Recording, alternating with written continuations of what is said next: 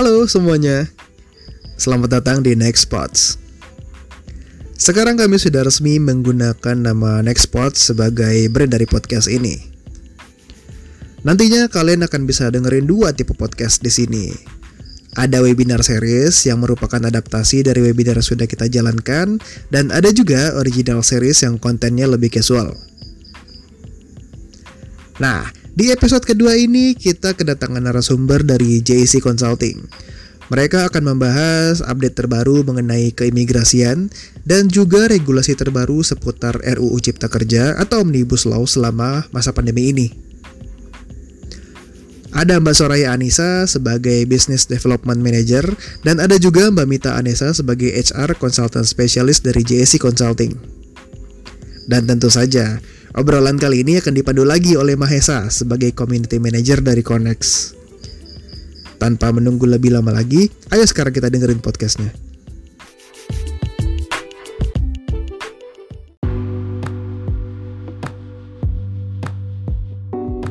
Uh, kita mulai aja ya teman-teman ya. Uh, selamat datang di Connex Webinar Series. Kembali lagi bersama saya Mahesa on Community and Event Manager from Connect by Marquee.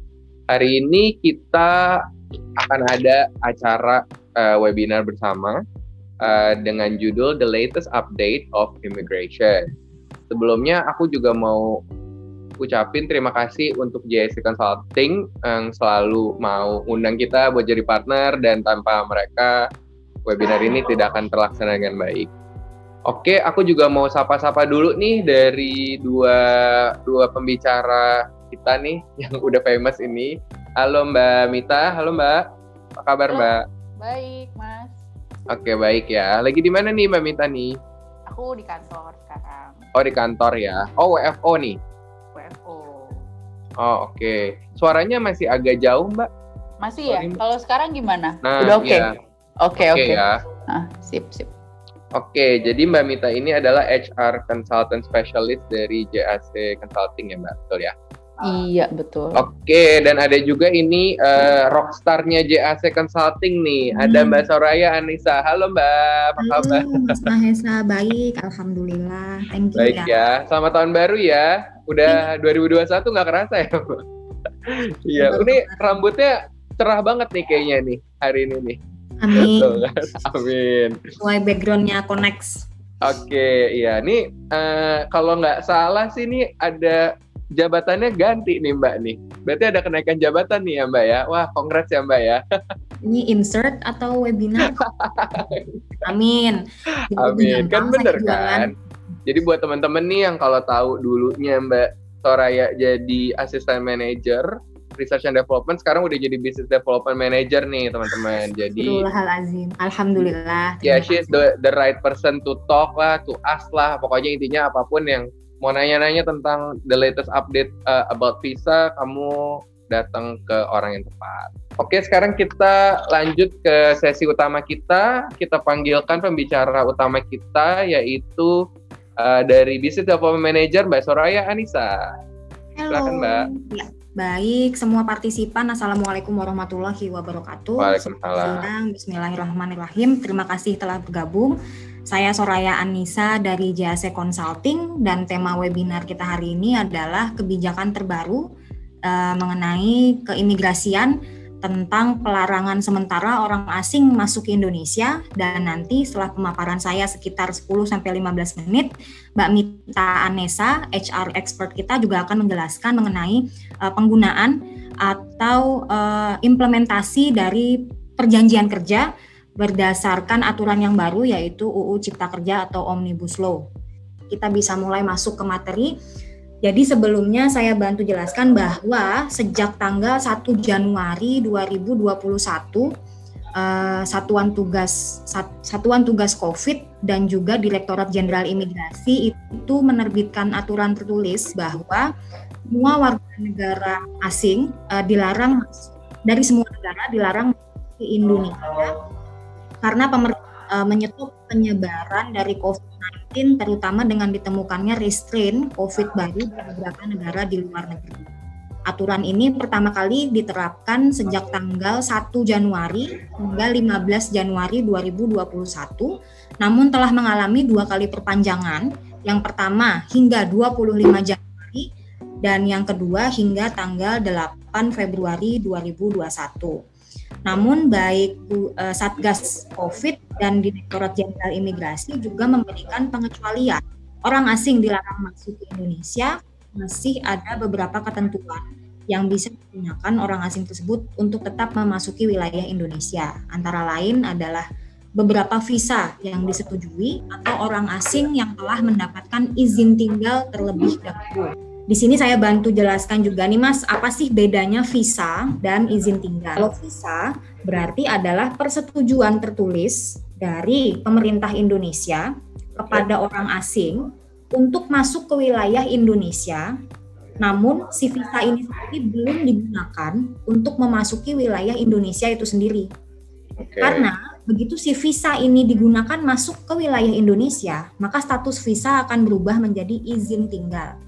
Mau itu izin tinggal sementara, ITAS, mau itu izin tinggal kunjungan satu kali perjalanan hmm. atau bisnis visa, ataupun izin tinggal dengan indeks yang lainnya. Oke, Mbak, aku boleh tanya nggak? Boleh, silakan. Jadi gini, uh, ini kan aku mau nanya mungkin ada beberapa teman-teman mm -hmm. ya uh, yang mm -hmm. pekerjanya itu visanya habis masa berlakunya uh, kebetulan pas banget di fase-fase PSBB ini. Nah itu gimana sih Mbak kelanjutannya ada gimana cara uh, apa namanya gimana cara apply-nya atau harus menunggu dulu sampai PSBB berakhir atau bagaimana Mbak? Nah, good question. Jadi visa itu sendiri Mas punya masa berlaku 90 hari. Oke. Okay. Mau itu bisnis visa, mau itu visa bekerja, visa penyatuan keluarga, investor dan segala macam. Bentuknya adalah elektronik visa atau e-visa yang diterbitkan oleh sistem imigrasi. Masa berlakunya 90 hari untuk harus digunakan masuk ke wilayah Indonesia.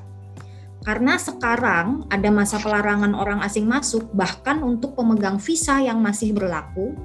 Jadi uh, banyak juga kita dapat pertanyaan gimana kalau visanya 90 hari sudah habis. Hmm. Apakah nanti ketika PPKM ini PPKM ya Mas sekarang bukan PSBB lagi. Oh iya sorry PPKM.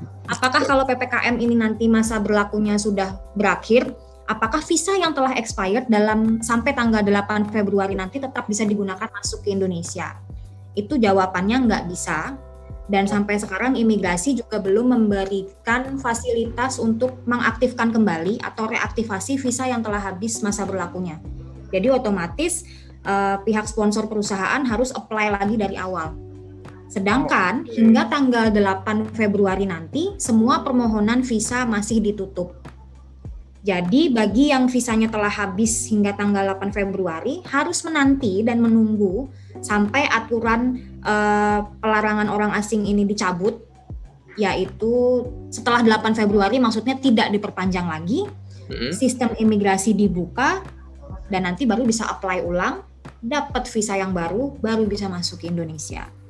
Oke, berarti sebenarnya kalau setelah tanggal 8 itu uh, belum ada kepastian juga ya Mbak. Sebenarnya sudah diperbolehkan nggak sih ini uh, pekerja asing ini untuk masuk?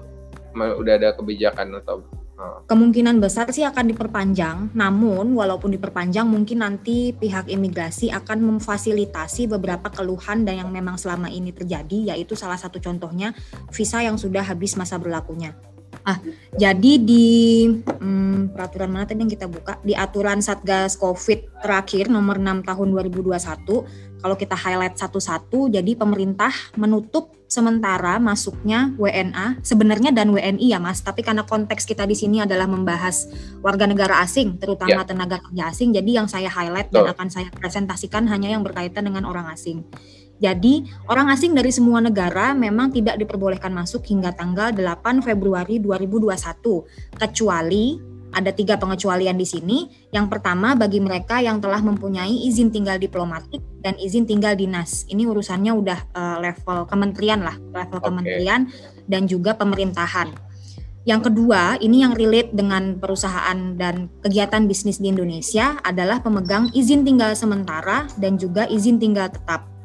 Dan yang ketiga adalah warga negara asing dengan izin khusus tertulis dari kementerian atau lembaga. Jadi di sini contohnya adalah ketika negara membutuhkan keahlian orang asing untuk purpose kemanusiaan ataupun proyek strategis nasional. Misalnya nih Mas, kasus kemarin itu waktu pesawat Sriwijaya jatuh, hmm. pemerintah kita itu butuh bantuan uh, orang asing, tenaga ahli asing dari Amerika dan juga Boeing serta equipment dari sana untuk membantu menemukan puing dari pesawat Sriwijaya juga korban. Hmm. Karena aturan uh, mengenai pelarangan orang masuk orang asing masuk ke Indonesia ini kan mencakup segala jenis orang asing. Hmm. Jadi bahkan teknisi pun kan tidak diperbolehkan masuk kecuali hmm. dia mempunyai izin tinggal diplomatik juga nggak mungkin. Akhirnya di perpanjangan yang pertama, perpanjangan pelarangan orang asing masuk yang tanggal 15 Januari sampai 25 Januari kemarin klausul nomor tiga ini dimasukkan. Ini spesial untuk uh, agar memperbolehkan dan mengizinkan tenaga asing dari Amerika tersebut datang ke Indonesia untuk membantu pencarian pesawat Sriwijaya. Dan izin khusus tertulisnya itu kemarin dari Kementerian Perhubungan. Hmm. Tapi kalau kita relate ke kegiatan bisnis di Indonesia untuk klausul ini masih belum bisa digunakan karena kementerian terkait seperti BKPM seperti Kementerian Ketenagakerjaan dan Imigrasi hingga saat ini belum memberikan fasilitas untuk pemberian izin khusus tertulis ini. Di surat gugus tugas COVID nomor 6 2021 tersebut juga eh, memberikan penjelasan dan prosedur mengenai protokol kesehatan pelaku perjalanan internasional yaitu mereka WNA dan WNI yang diperbolehkan masuk ke Indonesia pada masa pelarangan masuknya orang asing ini. Jadi mereka yang boleh masuk mas, pemegang izin tinggal diplomatik, pemegang ITAS ataupun ITAP, boleh masuk ke Indonesia namun syaratnya harus melakukan prosedur ini dari surat edaran tersebut saya rangkum dan saya summarize fleksibel mungkin.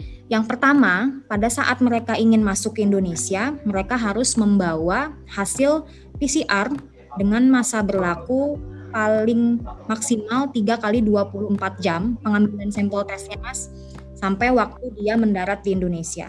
Hmm. Ketika nanti telah Indonesia, PCR kedua akan diambil oleh petugas kesehatan di bandara. Namun uh, orang asing yang bersangkutan belum boleh kembali ke diaman masing-masing. Okay. Harus melakukan karantina selama lima hari yang ditunjuk oleh pemerintah yaitu hotel atau apartemen yang memang uh, sudah akomodasinya disertifikasi oleh pemerintah. List hotel dan apartemen sendiri kalau kita googling juga udah banyak kok. Hotel mana saja atau apartemen mana saja yang bekerja sama dengan pemerintah untuk kewajiban lima hari karantina setelah uh, pelaku perjalanan internasional tersebut mendarat di Indonesia.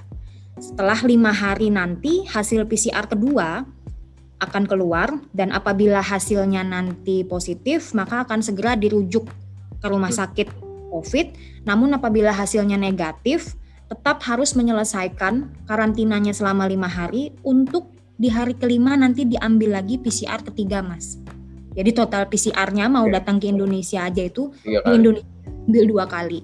dua kali. Nanti hasil PCR ketiga kalau tetap menunjukkan hasil negatif maka pelaku perjalanan internasional atau orang asing tadi boleh melanjutkan perjalanannya hmm. apabila penerbangannya transit atau boleh kembali ke kediamannya masing-masing di Indonesia. Tapi kalau hasilnya nanti positif, ya pastinya akan dirujuk ke rumah sakit COVID. Banyak banget pertanyaan uh, karena di surat edaran Satgas ini hanya menjelaskan kewajiban karantina selama lima hari saja. Apakah berarti kewajiban karantina 14 hari yang selama ini diwajibkan itu menjadi lima hari saja ataukah tetap harus dilanjutkan menjadi 14 hari. Di sini saya bantu konfirmasi juga bahwa walaupun TKA tersebut sudah menjalani dua kali PCR dengan hasil negatif dan telah menjalani karantina selama lima hari, tetap orang asing tersebut harus melanjutkan self isolation atau karantina mandiri 9 harinya karena kan totalnya 14 hmm. tuh Mas. Iya, betul. Nah, sudah dijalani remaining 9 days-nya tetap harus dilakukan di kediaman masing-masing. Sehingga total masa karantina bagi pelaku perjalanan internasional ketika masuk ke wilayah Indonesia tetap 14 hari. Karena sejatinya aturan karantina 14 hari dari Kementerian Kesehatan yang diedarkan tanggal 22 Mei 2020 itu masih berlaku dan belum dicabut. Jadi hati-hati kepada perusahaan sponsor uh, yang pemegang itasnya nih pulang dari Jepang atau negara lainnya ke Indonesia karena sudah di PCR dua kali negatif, sudah karantina lima hari, hari keenam langsung ke kantor. Jangan ya Bapak Ibu, hmm. karena karantina selama 14 hari tetap harus dilakukan. Oke, okay. Mbak, Next. aku mau nanya deh, kalau misalnya contoh nih, ini kan tadi ada tulisan hmm. positif atau negatif ya. Nah, hmm. misalnya dia positif gitu. Nah, ini sebenarnya yang nanggungnya ini tuh uh, dari dari siapanya nih Mbak? Maksudnya di sini kan ada tulisannya mandiri ya. Nah, mandirinya itu maksudnya kebijakan dari uh, kantornya itu sendiri atau harus personal atau bagaimana tuh Mbak? Atau ada pemerintah kasih ada biaya sedikit gitu untuk untuk penanggungan ini gimana Mbak? Kalau dari surat edaran nomor 6 2021 yang gugus tugas COVID tadi memang dinyatakan kalau pelaku perjalanan internasional yang masuk ke Indonesia itu WNI, maka semua biaya akomodasi karantina lima hari, PCR dua kali itu ditanggung oleh pemerintah. Namun WNI ya. ini ya berkaitan dengan warga negara asing, apa pun jenis izin tinggalnya mau itas, itap dan yang lainnya, kalau dinyatakan positif maka uh, dirujuk ke rumah sakit COVID dan semua biaya ditanggung secara mandiri. Hanya itu yang dijelaskan okay. oleh surat edaran. Jadi kembali lagi Mas ke perusahaan sponsor yang menerbangkan tenaga kerja hmm. asing tersebut masuk ke Indonesia, apakah aturan di perusahaannya akan menjamin uh, semua biaya terkait uh, COVID ini ataukah dibebankan kepada orang asingnya itu sendiri itu kebijakan masing-masing perusahaan sponsor. Oke. Okay. Itu sih Mas aku lanjutin ya. Mm-hmm. Ini kita masuk ke surat edaran Dirjen Imigrasi. Jadi uh, dari tanggal 1 itu gugus tugas Covid dulu yang menerbitkan surat edaran, kemudian Dirjen Imigrasi itu menerbitkan aturan pelaksana hanya mengenai protokol dan hal-hal terkait keimigrasiannya. Karena kan sesuai wewenang imigrasi ya berarti hanya menyangkut masalah keimigrasian atau visa dan izin tinggal orang asing tersebut. Sama seperti aturan yang ada di surat edaran gugus COVID, semua orang asing belum diperbolehkan masuk ke Indonesia hingga tanggal 8 Februari 2021. Ini update yang paling baru. Namun hingga saat ini karena surat edaran yang sebelumnya sudah habis masa berlakunya hanya tanggal 25 Januari kan harusnya ada surat edaran baru ya Mas mengenai perpanjangan. Hmm. Hmm. Hingga saat ini belum ada surat edaran resmi, namun berdasarkan konferensi pers dari Pak Erlangga, kemudian ini saya screenshot dari laman website imigrasi, penutupan perbatasan internasional ini memang diperpanjang sampai 8 Februari 2021. Kalau kita summarize apa saja sih informasi yang ada di surat edaran tersebut? Yang pertama, petugas imigrasi berkewajiban untuk menyampaikan informasi kepada halayak umum bahwa penerimaan negara bukan pajak keimigrasian atau PNBP ini adalah biaya yang harus dikeluarkan perusahaan sponsor pada saat mendaftarkan visa, Mas. Jumlahnya okay. sendiri bervariasi tergantung indeks visa mana yang dimohonkan. Hmm. Jadi bagi mereka yang telah apply visa, sudah bayar PNBP, ternyata visanya tidak keluar atau sekarang malah expired dengan adanya uh, kewajiban dan kebijakan pelarangan masuk orang asing ini, maka hmm. perusahaan sponsor nggak bisa nuntut balik PNBP yang telah dibayarkan. Itu yang hmm. pertama. Kemudian yang kedua, pihak imigrasi akan menolak sementara semua permohonan visa kecuali visa kunjungan satu kali perjalanan dengan alasan kemanusiaan yaitu mengunjungi atau mendampingi orang tua kandung yang sakit atau meninggal dunia atau memiliki keperluan medis di Indonesia. Jadi per sekarang apabila perusahaan sponsor di Indonesia ingin mendatangkan orang asing dari luar negeri, maka belum bisa sampai tanggal 8 Februari 2021. Hmm. Kecuali yang pertama untuk visa kunjungan dengan alasan kemanusiaan which is tidak begitu relate kayaknya kalau ke uh, kegiatan bisnis di Indonesia ya Mas ya. Hmm. Kalau untuk alasan kemanusiaan. Tapi apabila si orang asing yang ingin dimohonkan visanya ini telah berada di Indonesia, nah itu malah bisa Mas dimohonkan visanya. Contoh paling gampang, Mas Mahesa TKA di PT Konex. Kemudian masa kontraknya habis nih Mas. Hmm. Tapi mau pulang ke negara asal juga belum bisa karena mungkin masih di lockdown negara asal Mas di mana ya Zimbabwe misal. Kemudian Mas apply di perusahaan B, mau pindah ke JAC misal, kemudian diterima JAC, berarti kan ITAS, ITAS atau izin tinggal terbatas Mas, yang sponsornya tadi PT Connect kan harus diakhiri dan nanti sponsor barunya adalah PT JAC Consulting. Hmm. Berarti kan Mas harus dapat visa baru nih buat dapat visa bekerja di JAC Consulting. Ya, Tapi kan posisi Mas sudah ada di Indonesia dong. Nah, untuk visa baru Mas di PT yang baru itu bisa dimohonkan. Oh, bisa. Namanya adalah visa onshore karena orang asing yang bersangkutan yang akan kita ambil visa barunya ini sudah ada di Indonesia. Semua hmm. jenis visa ada visa kunjungan satu kali perjalanan atau single business visa, ada visa bekerja, ada visa penanaman modal atau investor, visa hmm. penyatuan keluarga, semuanya bisa di-apply ke imigrasi dan bisa diterbitkan oleh imigrasi. Syaratnya adalah orang asing tersebut sudah berada di Indonesia. Bahasa gampangnya adalah convert visa, Mas. Okay. Convert visa kan berarti visanya dikonversi dari satu ya, sponsor betul. ke sponsor yang lain atau misal dari sponsor ITAS naik level jadi kitab hmm. izin tinggal tetap. Nanti saya jelasin lah indeks visanya apa saja. Hmm. Ini contohnya. Oh, sorry Mbak, ini aku mau nanya deh. Kalau hmm. contoh nih, dia kemarin tahun hmm. 2020 uh, dia belum berhasil masuk nih Mbak, belum berhasil hmm. masuk. Terus uh, gimana kalau di 2021 ini gimana nih Mbak? Kan karena kan 2020 kemarin kan istilahnya uh, ya bandnya kan mungkin agak berbeda-beda ya masing-masing ya. Nah, terus di 2021 ini kebijakannya masih sama atau udah ada agak lebih mengendor kebijakannya? Kebijakan apa nih, Mas? Sorry. Jadi contoh nih, uh, jadi hmm. ada kebijakan reaktivasi visa bagi yang expired nih. Jadi kemarin hmm. tuh 2020 dia dia belum berhasil nih, Mbak, belum sempat masuk. Nah, di 2021 ini gimana nih? Belum ada. Belum Kita ada. udah confirm ke KBRI Tokyo karena kan paling banyak kebanyakan memang TKA itu datang dari Jepang ya Mas ya. Kita confirm ke bagian imigrasi di KBRI Tokyo, kita confirm juga ke Dirjen Imigrasi. Sampai sekarang belum ada fasilitas reaktivasi visa. Dulu di tahun hmm. 2020 memang ada, jadi visa yang sudah habis 90 harinya dikasih kesempatan dua minggu atau satu bulan untuk segera masuk ke Indonesia. Nama fasilitasnya reaktivasi visa.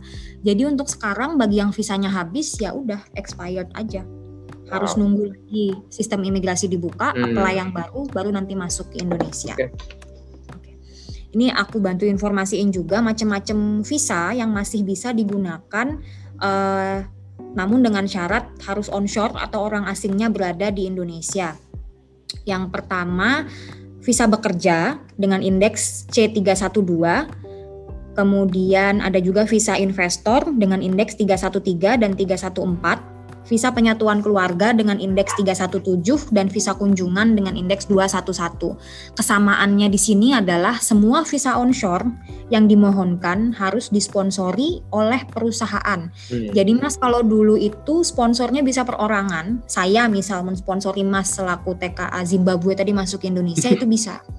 Tapi selama masa pandemi dari tahun 2020 kira-kira bulan September ketika visa baru sudah bisa di-apply lagi itu syaratnya harus perusahaan yang menjadi sponsor untuk mendatangkan orang asing. Hmm. dan syaratnya lagi si perusahaan sponsor ini harus bisa menunjukkan rekening koran perusahaan kepada pihak imigrasi di mana saldonya minimum adalah 1000 US dollar 1000 US dollar atau kalau pakai rupiah sekarang mungkin sekitar 148 sampai 150 juta. Jadi udah nggak bisa sembarangan lagi PT-nya yang bisa mensponsori orang asing masuk ke Indonesia. Untuk visa bekerja 312 ini masa tinggalnya disesuaikan bisa dari satu bulan untuk yang 1 sampai 6 bulan untuk sementara dan 7 sampai 12 bulan untuk yang jangka panjang. Syaratnya untuk visa bekerja ini Bapak Ibu perusahaan sponsor sudah harus mendapatkan izin kerja dari Kementerian Ketenagakerjaan yaitu RPTKA dan juga notifikasi IMTA serta menyelesaikan uh, kewajiban pembayaran DKP TKA-nya ke Kementerian Ketenagakerjaan. Berbeda dengan visa investor dan visa penyatuan keluarga, masa tinggal yang diberikan adalah 12 bulan dan khusus hmm. untuk visa investor 314 itu sampai 24 bulan dan hmm. tidak dipersyaratkan adanya izin kerja dari Kementerian Ketenagakerjaan. mohon maaf saya cepetin ya biar kita bisa selesai semua materinya. Untuk visa kunjungan ini uh, bedanya untuk visa kunjungan ini hanya diberikan masa tinggal selama 30 hari saja di Indonesia. Okay. Kalau dulu sebelum masa pandemi itu ada multiple bisnis visa bisa sampai 12 bulan masa tinggalnya. Sekarang untuk indeks 211 ini hanya diberikan 30 hari saja masa tinggal wow. di Indonesia.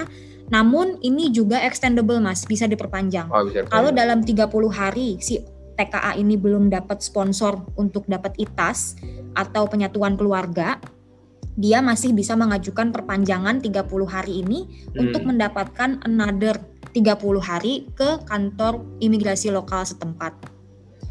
Kemudian eh, Dirjen Imigrasi juga memberikan kebijakan bahwa orang asing yang memiliki visa-visa atau izin tinggal tersebut masih bisa masuk ke wilayah Indonesia.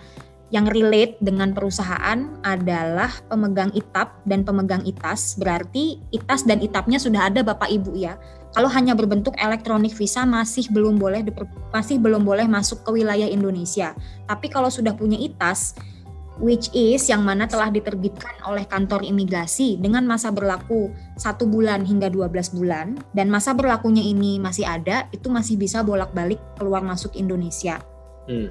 Kemudian ada juga kebijakan di surat edaran imigrasi ini bahwa bagi orang asing atau tenaga kerja asing yang masih berada di luar negeri dan izin tinggalnya akan habis masa berlakunya dalam periode pembatasan sementara orang asing ke Indonesia yang mana telah diperpanjang hingga 8, 8 Februari 2021 maka bisa mengajukan perpanjangan maka cukup perusahaan sponsornya saja yang mengajukan perpanjangan ke kantor imigrasi setempat Orang asing tersebut tidak apa masih berada di negara asalnya dan tidak perlu kembali ke Indonesia untuk melakukan perpanjangan ITASnya ke kantor imigrasi. Jadi pada umumnya nih Mas, kalau ITAS mau diperpanjang, hmm. TKA-nya itu wajib datang ke kantor imigrasi, harus foto, fingerprints, sedikit interview, baru nanti dikasih perpanjangan.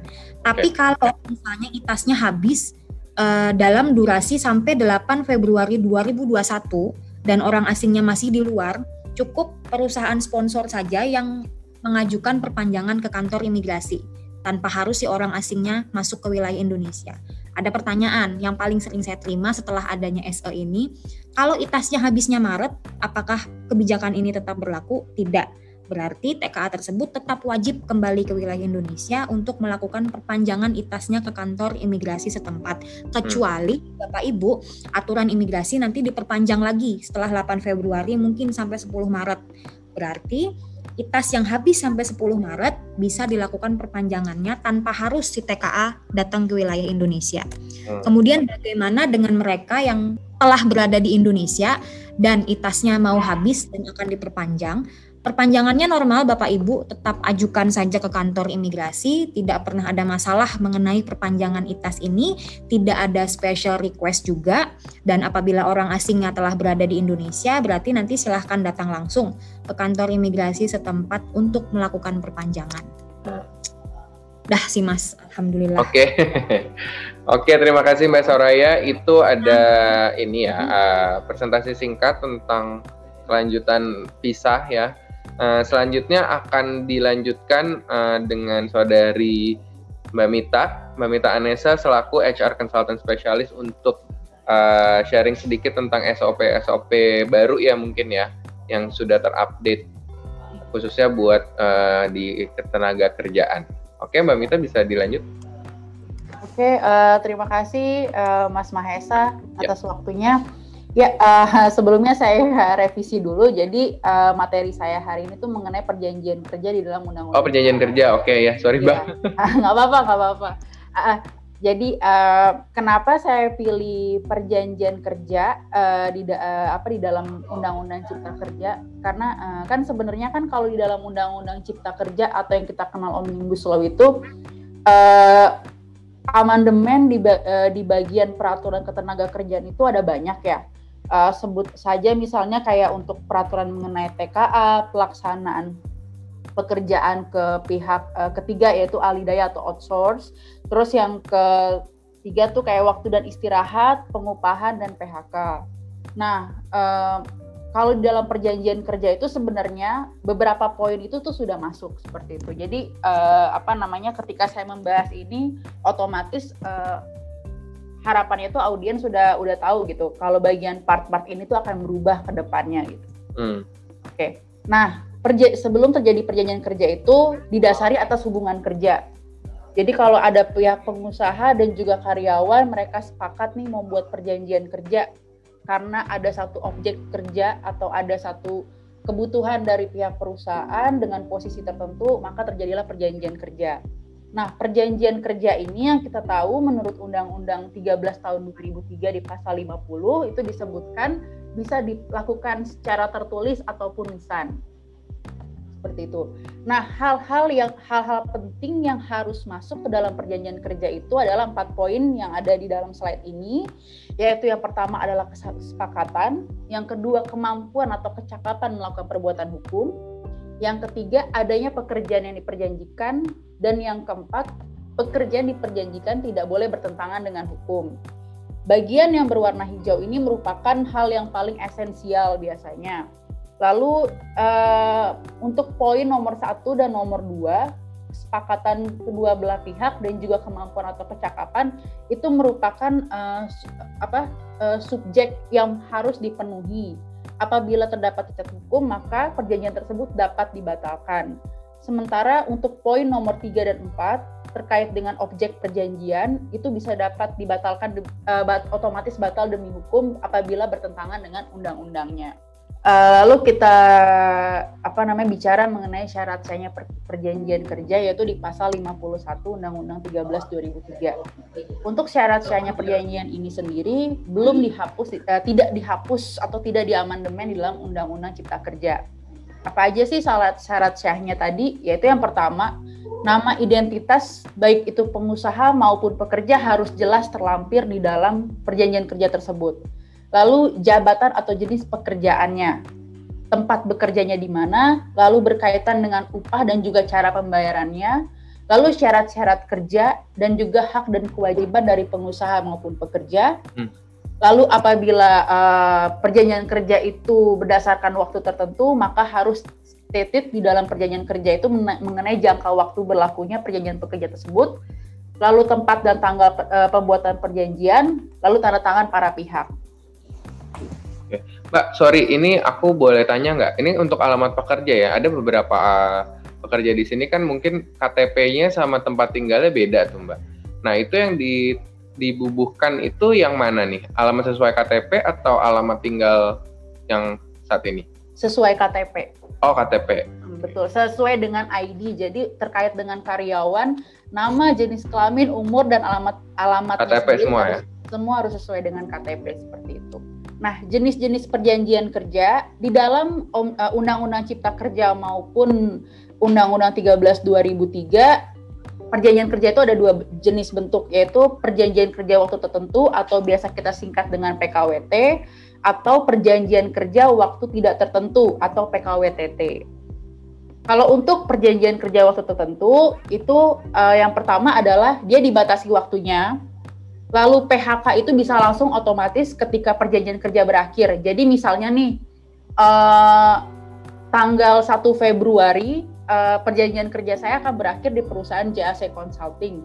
Lalu nanti begitu tanggal 1 sebelum tanggal 1 atau ketika uh, sebelum tanggal 1 atau ketika tanggal 1 belum ada notifikasi dari pihak pengusaha akan memperpanjang uh, perjanjian kerja itu, maka otomatis bisa dibat uh, bisa berakhir. Jadi ketika saya tanggal 2 udah bekerja lagi di perusahaan lain itu tidak ada masalah seperti itu. Oke. Okay. Lalu yang ketiga uh, PHK dalam uh, jangka waktunya perjanjian kerja ya, itu tidak mewajibkan bagi pengusaha untuk membayarkan pesangon ataupun uang penghargaan masa kerja. Tapi hmm. jika seandainya salah satu pihak mengakhiri pekerjaan sebelum jangka waktunya itu berakhir, maka pihak pengusaha atau pihak karyawan wajib membayar penalti sebesar sisa kontrak dari perjanjian kerja tersebut. Hmm. Seperti itu. Lalu yang keempat, tidak boleh adanya masa perco percobaan dan untuk perjanjian kerja waktu tertentu wajib dibuat secara tertulis. Dan yang terakhir, dia wajib dicatatkan di instansi ketenagakerjaan. Kalau untuk PKWTT, Mbak, sorry Mbak, ini tidak diperbolehkan masa percobaan tuh maksudnya tidak ada yang tiga bulan itu nggak ya, ada. Betul, gitu. betul, betul. Jadi yang tiga bulan itu hanya untuk perjanjian kerja waktu tidak tertentu atau untuk permanent Oh, position oke. lah ya, seperti itu. Probation Jadi, ya, sorry. pro- uh, probation. Jadi kalau seandainya nih, Mas gimana, uh, Mas gini, gimana kalau seandainya ternyata uh, PKWT saya itu adanya percobaan tiga bulan, nah itu udah otomatis batal demi hukum dan perjanjian kerjanya itu dianggap sebagai PKWTT, seperti itu. Hmm. Tapi ya itu tadi uh, hal tersebut harus tercantum di dalam PKWT-nya ya Mas ya. Jadi kalau misalnya hanya sebatas uh, lisan saja itu nggak dianggap gitu. Makanya PKWT ini sendiri harus clear detail di dalam eh dibuat secara tertulis. Itu. Nah, sekarang untuk yang per- perjanjian kerja waktu tidak tertentu jadi uh, kebalikannya dari apa dari PKWT jadi dia tidak ada batasan perjanjian PHK itu harus dilakukan melalui lembaga penyelesaian perselisihan hubungan industrial atau apabila ada case perselisihan itu harus melalui industrial court eh, pengadilan industrial seperti itu. Lalu apabila terjadi PHK eh, perusahaan wajib membayar pesangon dan juga penghargaan masa kerja. Masa percobaan diperbolehkan dan bisa dibuat secara tertulis ataupun lisan. Seperti itu. Dan untuk PKWTT tidak ada kewajiban bagi perusahaan untuk melaporkan ke instansi ketenaga kerjaan. Oke. Nah, ini sekarang kita ngebahas eh, salah satu artikel yang di amandemen di dalam Undang-Undang Cipta Kerja adalah lima, pasal 56 dan juga pasal 59 mengenai pengertian perjanjian kerja waktu tertentu. Karena kalau untuk perjanjian waktu tidak tertentu itu eh, nggak ada perubahan di dalam Undang-Undang Cipta Kerja. Jadi memang fokusnya adalah di bagian perjanjian kerja waktu waktu tertentu seperti itu. Kalau di dalam Undang-Undang 13 2003 pas, eh, pasal 56 menyebutkan PKWT itu didasarkan pada jangka waktu dan selesainya suatu suatu pekerjaan tertentu.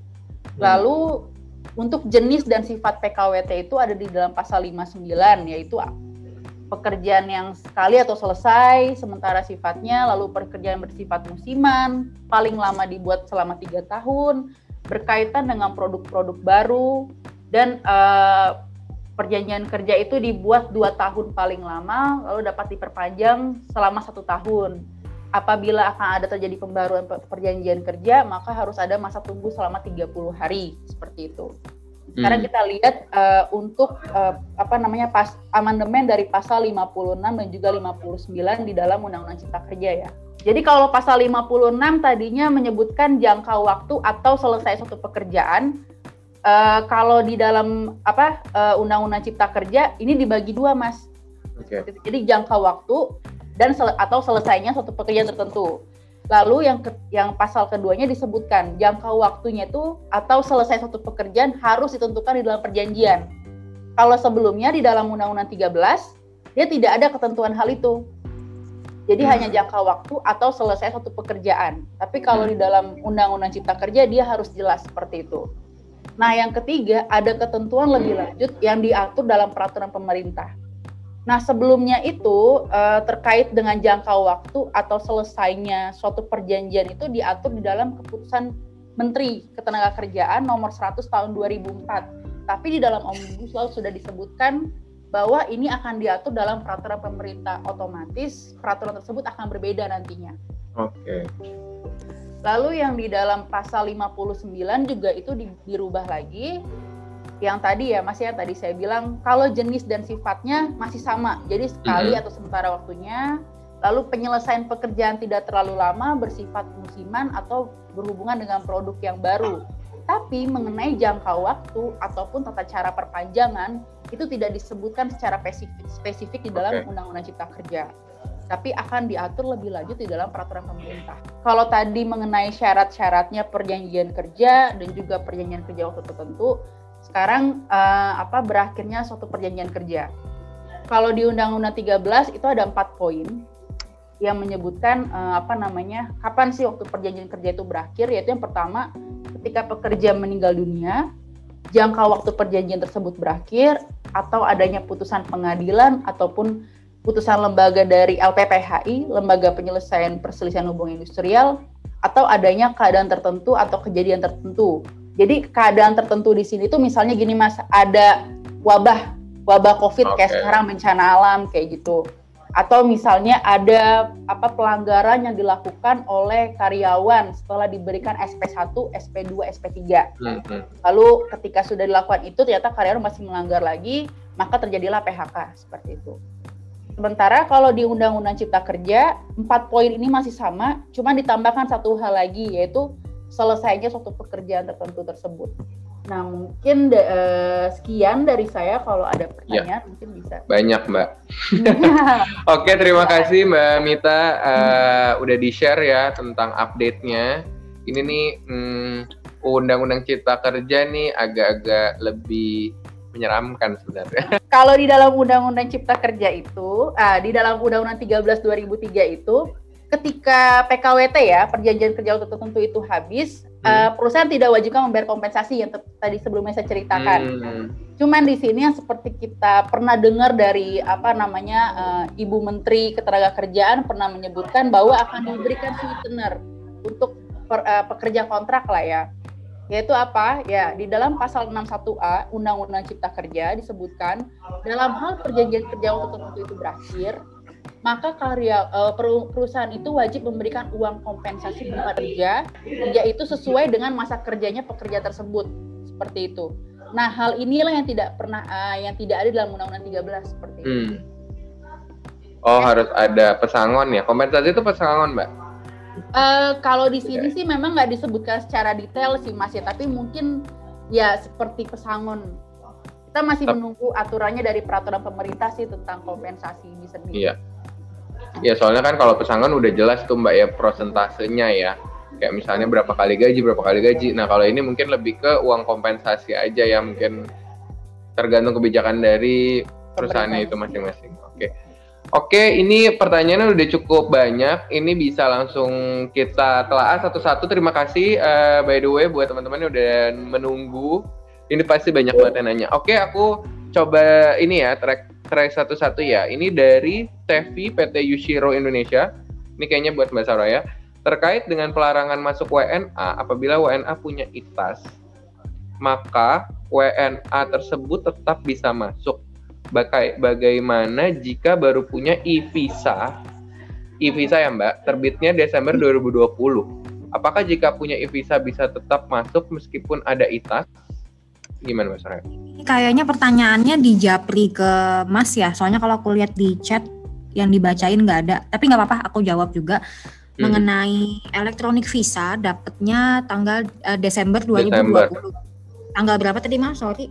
Desember 2020 misal tanggal 30 Desember 2020. Ah, berarti ah, kan masa berlakunya 90 hari, berarti 30 Januari nah, Maret 30 ya. Maret 30 Maret. Masalahnya bagi semua pemegang visa kecuali visa diplomatik dan visa kunjungan dinas walaupun sudah punya nih e-visanya dan masih berlaku 90 hari tetap tidak bisa masuk ke wilayah Indonesia. Jadi nanti Ibu tunggu dulu apabila setelah tanggal 8 Februari uh, pelarangan sementara masuk orang asing ini tidak diperpanjang, buru-buru aja masuk Bu takutnya nanti dikasih waktu satu minggu kemudian ada desas-desus strain baru atau apa lagi pintunya oh. ditutup lagi nanti malah keburu expired 30 Maret. Tapi yang jelas sampai tanggal 8 Februari belum bisa masuk. Itu jawabannya. Next mas. Oke ini sebenarnya pertanyaannya sama. E-visa juga mm -hmm. tapi dia bilang nih statusnya dia telah membayar DPKK mbak jadi hmm. ini apakah ada kebijakan khusus bagi pemegang e-visa agar dapat masuk hmm. ke Indonesia yang mana pemegang e-visanya sudah mempunyai izin kerja telah membayar DPKK itu gimana? Hmm. hmm. Jadi kalau untuk uh, C312 atau visa bekerja memang untuk penerbitannya harus didahului oleh selesainya rangkaian untuk mendapatkan izin kerja dari Kementerian Ketenagakerjaan yaitu yang pertama RPTKA rancangan penggunaan tenaga kerja asing yang kedua notifikasi IMTA dan juga pembayaran DKP TKA dan itu tidak sedikit Mas USD 100 100 USD per bulan. Jadi kalau ngambilnya ITAS 12 bulan berarti yang telah dibayarkan untuk dapat e-visanya adalah sebesar 1.200 US dollar. Hmm. Bukan jumlah yang sedikit memang, namun kembali lagi ke aturan pemerintah sampai tanggal 8 Februari belum diperbolehkan masuk. Kalau memang visanya ibu tadi expired sebelum 8 Februari berarti memang harus diulang dari RPTKA dari langkah paling awal dan oh. harus dibayar lagi USD-nya 1.200. Bagaimana mengenai USD 1.200 yang telah dibayarkan DKPTKA-nya? Ini bukan ranah imigrasi namun ranah Kementerian Ketenagakerjaan. Bisa Bapak Ibu cek di TKA online di website sistemnya Kementerian Ketenagakerjaan. Memang sudah ada menu pencabutan DKPTKA dan juga pengembalian atau refund dari DKPTKA itu sendiri. Hmm. Jadi perusahaan sponsor bisa langsung mengajukan menu okay. pengembalian DKPTKA tersebut. Namun pada praktiknya sistemnya sudah ada di website, sudah ada menu dan fitur untuk pengembalian, namun pada prakteknya sangat sulit, Mas. Karena namanya uang sudah dibayarkan, diambil Betul. kembali prosedurnya harus melalui hierarki yang sangat panjang, administrasi yang sangat panjang. Kita pernah nyoba klien kita itu prakteknya 6 bulan sampai 2 tahun namun wow. kita belum ada pengalaman untuk sistem di fitur yang baru ini. Jadi perusahaan sponsor bisa langsung buka TKA online dan dipilih menu pengembalian DKP TKA-nya. Hmm. Next, Mas. Ini uh, sebenarnya ini kayaknya udah dijawab ya. Ini pertanyaan hmm. Mbak Amelia Buat, mau langsung aku skip apa gimana nih kalau yang udah dijawab? Kalau yang udah mah udah aja, apalagi yang Evisa dan Itas. Uh -uh. Aku bisa lihat sih mas pertanyaan, boleh? Ya Amelia Desita ini kayaknya udah dijawab ya mbak ya. Oke, ini untuk Azahra, sorry ya Mbak Amelia, mungkin iya, nanti iya. kalau ada pertanyaan bisa lanjut, soalnya ini kita terbatas waktunya. Untuk Mbak Azahra, ini nih mengenai foto nih. Untuk foto perpanjangan ITAS, apakah masih harus datang langsung ke kantor imigrasi atau melampirkan pas foto?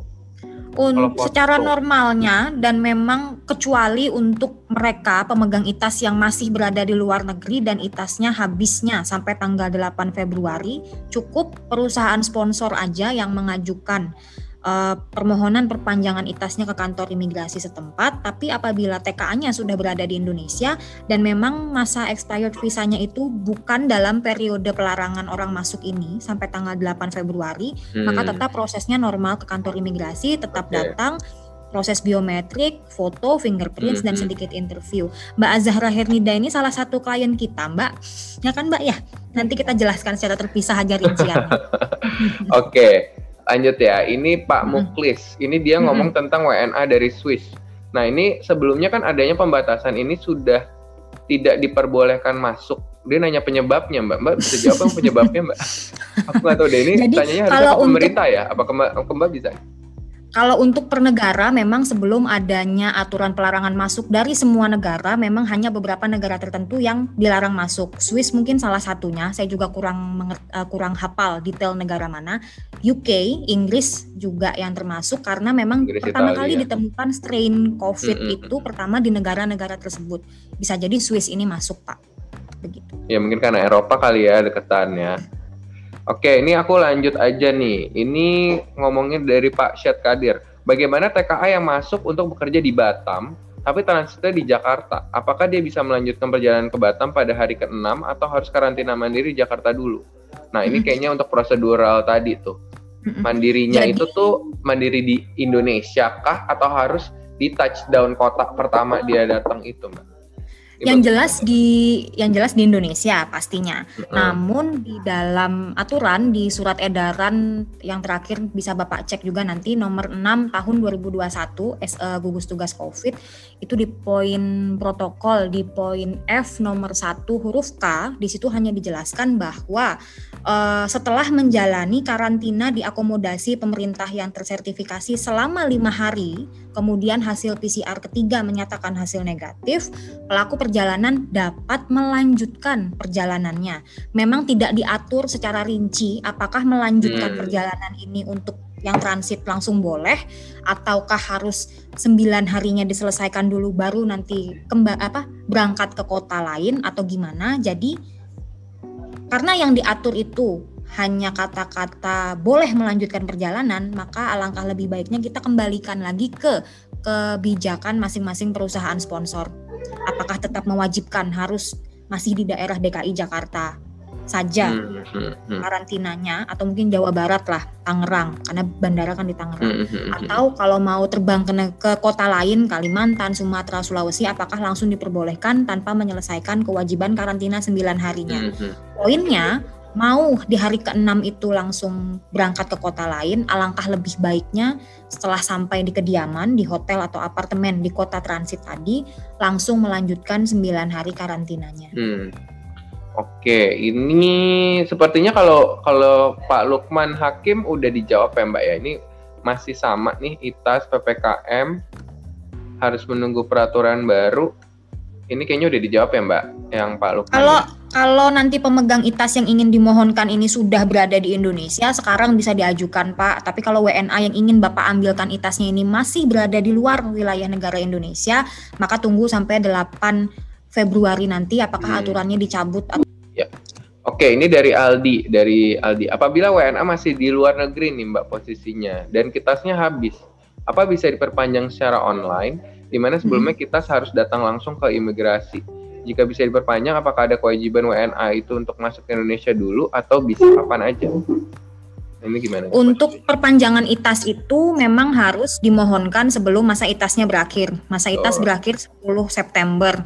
Berarti dari jauh-jauh hari izin kerjanya di Kementerian Ketenagakerjaan diperpanjang dulu dan nanti harus dipaskan timingnya pada saat mengajukan permohonan perpanjangan ke imigrasi masih sebelum masa ITAS yang sebelumnya berakhir. Jadi seperti yang telah dijelaskan tadi, kalau memang expirednya itu masih masuk dalam durasi atau periode pelarangan orang asing masuk sampai 8 Februari, nggak apa-apa orang asingnya masih di luar negeri, cukup Pak Aldi atau perusahaan sponsor yang mengajukan perpanjangan ke kantor hmm. imigrasi setempat. Namun harus sebelum masa berlakunya habis ya Pak, dan RPTKA, notifikasi hmm. pembayaran DKPTKA-nya semua sudah tuntas di Kementerian Ketenagakerjaan. Ini di sini tulisannya sudah habis Mbak. Kalau udah oh, habis maaf, mana-mana. Apabila Kalau sudah habis yang nggak bisa diperpanjang. Habis. Sudah habis tidak bisa Udah diperpanjang. Harus di harus dimulai dari, dari awal. awal lagi. Ya, betul. Thank you Mas. Aku nggak concern. Gak apa-apa. Hmm. Oke, ini dari Pak Bruno nih kayaknya uh, eh, TKA nih. Saya udah di Indonesia dengan visa pens pensiun, pensiun. pensiun mungkin ya. Tapi saya nikahnya bulan depan. saya bisa bikin visa keluarga langsung onshore. Ini bisa, gimana? tapi kalau sponsornya adalah WNI pasangan warga negara Indonesia, istrinya kan ini kita asumsikan adalah warga negara Indonesia, hmm. bisa saja langsung mengajukan ITAS dengan indeks 317 yaitu penyatuan keluarga. Namun nanti persyaratannya harus ada surat nikah, harus ada surat keterangan pendaftaran pernikahan dengan warga negara asing ke catatan sipil dan lain sebagainya. Namun selama Pak Bruno ini ada di Indonesia, visa penyatuan keluarganya bisa diajukan onshore. Silahkan hubungi JAC Consulting terpisah, nanti kita kasih required ya. dokumennya apa, bagaimana caranya. Oke. Boleh nanti Mbak dikasih ya uh, emailnya Mbak, Mbak Soraya nanti di bawah Oke, oke, ya. aku langsung type aja. Ah, udah. Bisa lanjut Mas? Oke, buat Mbak Linda, ini aku agak kurang ngerti nih kalau PSN. Jadi untuk TKA yang terkait dengan PSN, cara pengajuan visanya gimana nih Mbak? PSN itu proyek strategis nasional, Mas. Ya, Jadi baik. memang proyek dan kebanyakan memang infrastruktur di Indonesia yang mana uh, pemerintah juga joint venture atau memang pemerintah sangat mengharapkan proyek tersebut agar segera cepat selesai. Jadi memang kalau 2020 Badan Koordinasi Penanaman Modal BKPM itu memang memfasilitasi proyek strategis nasional ini agar tenaga kerja asingnya diberikan izin tertulis agar bisa masuk ke Indonesia untuk bekerja tahun 2020 dulu. Tahun 2021 BKPM maupun kementerian lainnya memang tidak memberikan fasilitas yang sama. Namun memang tertulis di surat edaran imigrasi itu apabila TKA tersebut mendapatkan izin tertulis dari kementerian yang berwenang maka boleh masuk. Ini hmm. kasusnya yang Sriwijaya yang tadi saya ceritakan. Jadi uh, kita asumsikan sekarang untuk perusahaan memang belum bisa memohonkan izin tertulis tersebut kecuali memang pemerintah hmm. pemerintah atau memang purpose-nya adalah kemanusiaan yang memang membutuhkan keahlian dari orang Tadi asing ya. difasilitasi untuk masuk ke wilayah Indonesia. Oke. Itu. Ini untuk Pak Arga ini sepertinya udah dijawab ya karena di posisinya dia masih overseas jadi bisa diminta tolong ambilkan oleh perusahaannya ya perwakilannya ya. Ini kan posisinya dia bilang tidak perlu ambil biometrik dan pas foto ya. Betul ya Mbak ya?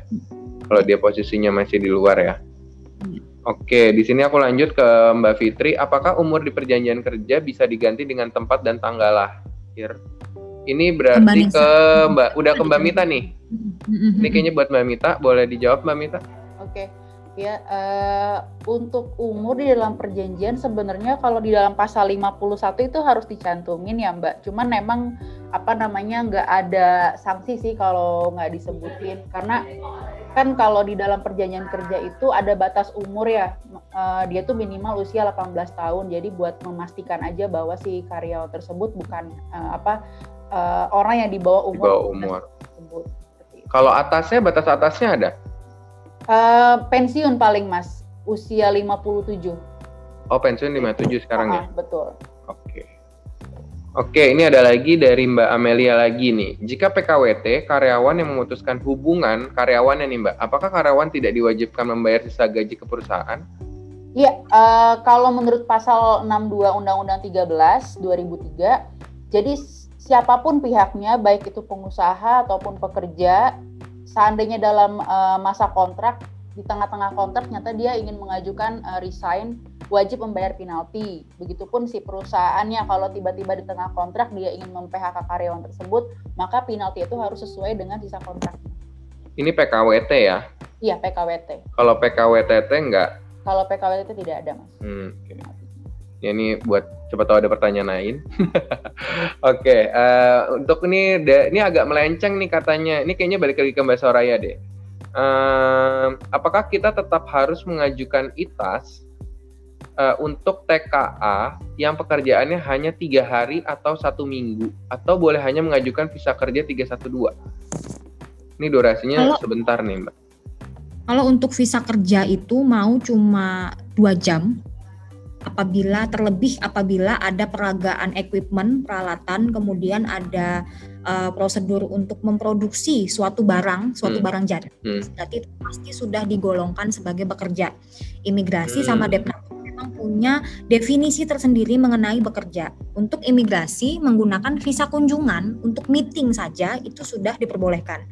Tapi hmm. dari perspektifnya Kementerian Ketenagakerjaan ketika ada orang asing meeting dan hasil meeting tersebut akan berpengaruh terhadap kinerja dan uh, operasional si perusahaan di Indonesia itu sudah digolongkan sebagai bekerja. Jadi hmm. tergantung pasarnya ya, sorry to say, tergantung siapa yang sidak pada saat itu. Kalau yang sidak imigrasi pakai visa kunjungan itu masih bisa di masih arguable lah karena indeksnya visa 211 sendiri berdasarkan peraturannya Dirjen Imigrasi diperbolehkan untuk meeting.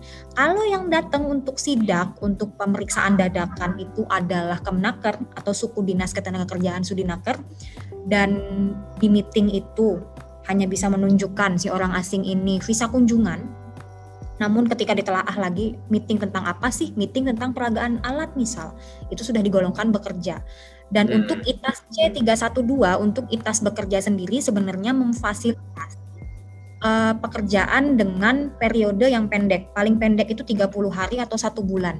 Itu hmm. bisa dimohon bulan hingga 12 bulan. Untuk teknisnya okay. nanti bisa email ke saya aja tadi Bapak atau Ibu nanti uh, bisa Mbak, ini Pak Lukman Hakim jadi Pak Lukman nanti. Hakim nanti bisa langsung email Mbak Soraya ya untuk uh, ketentuan ini. Oke, aku lanjut. Ini kayak balik lagi ke Mbak Mita deh. Tadi ini sebenarnya aku juga udah tanyain sih uh, secara verbal. Selesainya suatu pekerjaan tertentu ini tuh maksudnya gimana Mbak Mita? Jadi maksudnya uh, dia project base kali ya, uh, atau mungkin menurut perusahaan ini uh, bagian ini sudah tidak dibutuhkan lagi atau bagaimana seperti nah, itu ya mbak ya uh, jadi kalau di dalam penjelasannya undang-undang sendiri sebenarnya selesai suatu pekerjaan tertentu itu mungkin bisa dimaksudkan pekerjaan itu bersifatnya nggak terus menerus terus uh, tidak terputus ya mas. Jadi misalnya gini contohnya misalnya ada perusahaan trading. Karena wabah covid ini mereka agak susah nih melakukan sales door to door. Nah terus uh, dia butuh satu orang yang jago untuk membuat website gitu kan develop website lalu dia panggil lah kalau misalnya mereka pakai konsultan mungkin terlalu mahal terus dia akhirnya meng-hire satu orang karyawan hmm. nah itu kan berarti kan based on project jadi misalnya project itu tiga yeah, bulan ya. atau hmm. uh, buat apa mendevelop website Nah, begitu selesai, nah, itu tidak perlu tidak diperlukan lagi seperti itu karena maintenance sudah bisa dilakukan oleh pihak perusahaan seperti itu. Oke, okay. oke. Okay. Terima kasih ini uh, dari Mas Aldi lagi ini uh, mengenai cipta kerja ini berarti Mbak Mita lagi ya. Mengenai ciptaker, apakah ada perubahan yang signifikan dari peraturan perusahaan yang saat ini ada mengacu Undang-Undang tahun 2013 harus dirubah atau disesuaikan dengan undang-undang baru? Ini mungkin Undang-Undang Cipta Kerja kali ya. Iya, apakah iya. ada bagian atau pasal mana, Mbak? Jadi kalau sekarang itu memang kita punya dua undang-undang ya Mas ya yang masih berlaku sampai saat ini yaitu Undang-Undang 13 lalu Undang-Undang Cipta Kerja yang sudah disahkan dan berlaku sejak 1 November 2020. Hmm. Otomatis kan sebenarnya kita ada di gray area yang mana yang Betul. harus kita apa kita uh, ikuti nih. Sementara undang-undang se sebagian pasal di Undang-Undang 13 itu sudah dihapus di dalam Undang-Undang Cipta Kerja. Hmm. Nah ini kita uh, saya sendiri belum bisa memastikan mas karena beberapa pasal yang berubah di dalam Undang-Undang Cipta Kerja itu merujuk pada peraturan pemerintah hmm. yang masih dalam proses seperti itu. Hmm. Jadi uh, kalau dari aturannya sendiri kan uh, tiga bulan ya mas peraturan hmm. pemerintah hmm. ini harus sudah terbit ya kemungkinan di bulan Februari sih mungkin akan ada jawabannya akan seperti. Oke. Okay. Ya karena ini juga baru November juga ya mbak mm baru disahkan November jadi kita tunggu Februari mungkin ya Pak. Oke ini lanjut pasal 61A dan ini dari Bu Amelia lagi. Pasal 61A ini hitungannya gimana ya untuk pesangon kali ya? Pesangon uh, atau pesangon, pesangon. yang PKWT ini yang 61A tadi ya tadi aku tanya ya. Ya yang kompensasi masih masih grey juga ya Mbak ya sebenarnya? Iya betul. Berapa perhitungan? Karena masih berujuk pada peraturan pemerintahnya. Mm-hmm. masih grey tadi Mbak Amelia. Jadi mau kebijakan perusahaan yang mau pesangon kah? Atau mau uang uang pro, project thank you? Nah itu tergantung perusahaannya. Oke ini untuk bu ini bu kali ya Dwi Setiori ini bu Dwi. Apakah poin selesainya suatu pekerjaan dalam undang-undang kerja wajib disebutkan dalam perjanjian?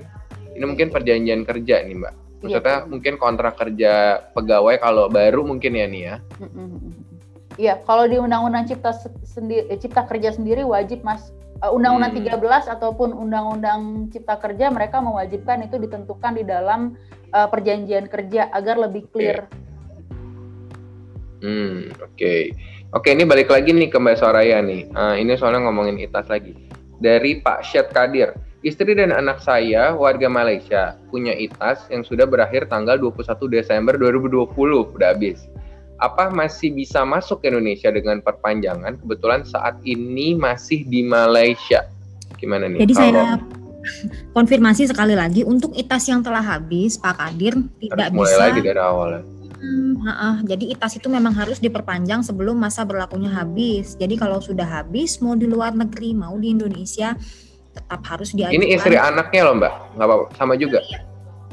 Hmm, Kecuali jadi bukan kecuali kita asumsikan Pak Kadir ini adalah TKA berat dan masih memiliki ITAS 312, ITAS bekerja yang masih berlaku di Indonesia.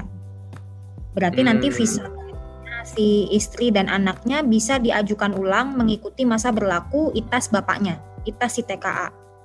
Tapi tetap tetap harus diajukan ulang. Kalau Pak Kadir ini sama, ITASnya telah berakhir juga Desember kemarin dan belum sempat diperpanjang, berarti ya sama Pak Kadir, anaknya, hmm. istrinya dilakukan dari awal lagi. Pak Kadir dengan indeks 312, kemudian setelah dapat ITAS bekerja baru nanti bisa mensponsori istri dan anaknya dengan ITAS indeks 317 untuk penyatuan keluarga. Oke. Oke, jadi ini berlaku sama aja ya Mbak, mau kitanya atau mau istri anak itu perlakuannya sama ya? Oke, yang beda mungkin kalau Bapak TK, TKI, eh sorry, uh, Bapak itu warga negara Indonesia atau Bapak warga negara asing gitu ya, bedanya di. Oke, ini Tevi, jika sudah mengajukan EPO, tapi ketika tes PCR H-3 hasilnya positif, ini kayak masuk rumah sakit ya Mbak ya tadi? EPO, EPO, EPO itu exit permit only, memang oh, pencabutan okay. ITAS, pencabutan data ITAS bagi TKA dengan ITAS yang masih berlaku dan ingin pulang ke negara asal. Jadi EPO oh, itu Mas diberikan waktu tujuh hari dari kita submit permohonan EPO ke kantor imigrasi hingga TKA tersebut wajib meninggalkan wilayah Indonesia. Kita paham di sini Bu concernnya jadi ketika EPO diajukan misal tanggal 1 berarti maksimal tanggal 7 itu TKA Ibu harus keluar. Karena Oh, PCR-nya keluar. 24 jam mungkin PCR diambil tanggal 4 atau tanggal 3, 3 hari sebelum tanggal 7 hasilnya kemudian positif. Karena sudah di EPO berarti otomatis eh, harus keluar dalam waktu tujuh hari dan apabila tidak akan dikenakan overstay. Overstay itu biayanya Hmm. nggak salah satu juta per hari mas karena udah Oke. kecabut Oh, bukan Ya. ke rumah sakit ya, Mbak, langsung harus keluar ya, Mbak, kalau kayak gitu. sebenarnya kan harus keluar mas tapi kan memang kebijakan travel sekarang kan mau ke mana-mana harus PCR tuh kebetulannya eh, si TKA ibu ini nih pas di PCR untuk dibawa keluar itu malah positif ya tetap harus mengikuti protokol Tetap ya. kesehatan Hmm. isolasi mandiri atau dirujuk ke rumah sakit penanganan COVID. Untuk masalah overstay dan tidak, Bu, hingga saat ini memang belum ada aturan imigrasi yang menyebutkan apabila ITA sudah dicabut, kemudian yang bersangkutan ter, eh, apakah overstay akan ditiadakan hingga saat ini belum ada. Jadi otomatis overstay tetap kena. Namun alangkah lebih baiknya Ibu bisa datangi kantor imigrasi yang memang memberikan eh, EPO, yang menerbitkan EPO dari TKA Ibu, dibawa saja Bu hasil positif COVID-nya mungkin masih bisa dikoordinasikan dengan pihak imigrasi. Apakah ada keringanan kebijakan overstay kah? Atau mungkin bisa dipertimbangkan untuk mengambil visa baru onshore sementara. Namun untuk pengajuan visa onshore sendiri syaratnya itu adalah surat keterangan sehat atau PCR dengan hasil negatif. Gak bisa berarti kan. Jadi mungkin bisa dikoordinasikan secara didiskusikan lah Bu mungkin dengan pihak keimigrasian. Moga cepat sembuh ya Bu TKA-nya. Ya, amin. Ini pertanyaan terakhir, Mbak, alhamdulillah ya. Dari Mbak Fitri. Tapi at least kita udah bisa mengkoordinir semua pertanyaan.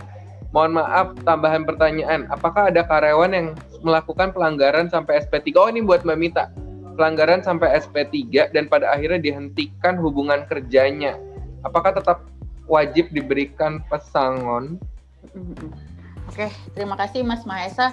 Ya, jadi kalau sesuai dengan Undang-Undang 13 2003 pasal 161 ya kalau nggak salah nih. Eh, karyawan yang setelah diberikan SP1, SP2, SP3 dan masih melakukan kesalahan, perusahaan bisa mem-PHK karyawan tersebut tapi dengan konsekuensi tetap dibayarkan pesangonnya. Cuman yang tadi saya bilang Mas, ada Undang-Undang Cipta Kerja yang juga sekarang berlaku, pasal Hmm. ini dihapuskan. Lagi. Jadi kita masih ada gray area nih. Gitu. Lagi itu ya. kondisi gray area ini itu harus merujuk pada perjanjian kerjanya seperti itu. Jadi cari amannya sebenarnya ikut di perjanjian kerja awal berarti ya. Iya betul. Cari Perjanjian amannya ya. mengatur seperti apa. Atau kalau misalnya memang dia mau memperbarui, berarti HR-nya harus ganti kontraknya secara nggak langsung ya. Kalau Atau gimana? kalau kalau kayaknya agak riskan ya Mas ketika udah dapat SP3 terus dia Ganti kontrak. kontraknya udah Mm-mm. biasanya sih karyawan nggak akan mau ya gitu. Nggak maksudnya kayak misalnya contoh dia udah perusahaannya sudah menerapkan sistem eh, dia mengikuti cip undang-undang cipta kerja. Nah jadi mau nggak mau semua pegawainya kontraknya diganti gitu mbak. Sebelum Eh, nggak even ada SP3 atau enggak misalnya gitu.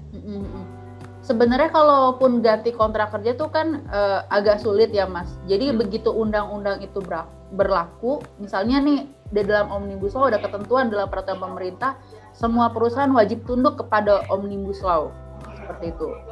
Jadi otomatis Mas, jadi nggak perlu ganti lagi. Oh udah nggak perlu ganti ya? Nah, betul. Udah Oke. otomatis tunduk pada undang-undang cipta kerja yang terbaru. Oke oke. oke. Khusus untuk perjanjian kerjanya ya Mas ya. Mhm. perjanjian kerjanya ya. Kalau kan ada peraturan perusahaan, ada PKB, itu kita masih menunggu gitu. Apakah Hmm. akan dirubah mengikuti Undang-Undang Cipta Kerja atau bisa berjalan seperti yang sudah sebelumnya? Oke, eh, terima kasih buat eh, pertanyaan-pertanyaannya. Mungkin eh, nanti kalau misalnya mau ada yang ditanyakan kembali, bisa langsung ditanyakan ya.